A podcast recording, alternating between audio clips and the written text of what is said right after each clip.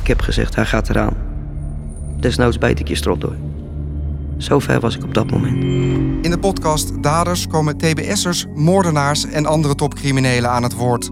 Wat ging er door hun hoofd op het moment dat ze hun gruwelijke daad pleegden? Ik had een woede in mij. Ze had het nu aan mijn dochter gezeten. Iedereen moest sterven. Ik had hitteams uit Joegoslavië die die gasten kwamen liquideren. Toen kwam zeg maar alle adrenaline en woede uit mijn leven kwam er in één keer uit. Kreeg ik ook zo'n adrenaline rush. En toen stak ik hem in één keer tien keer.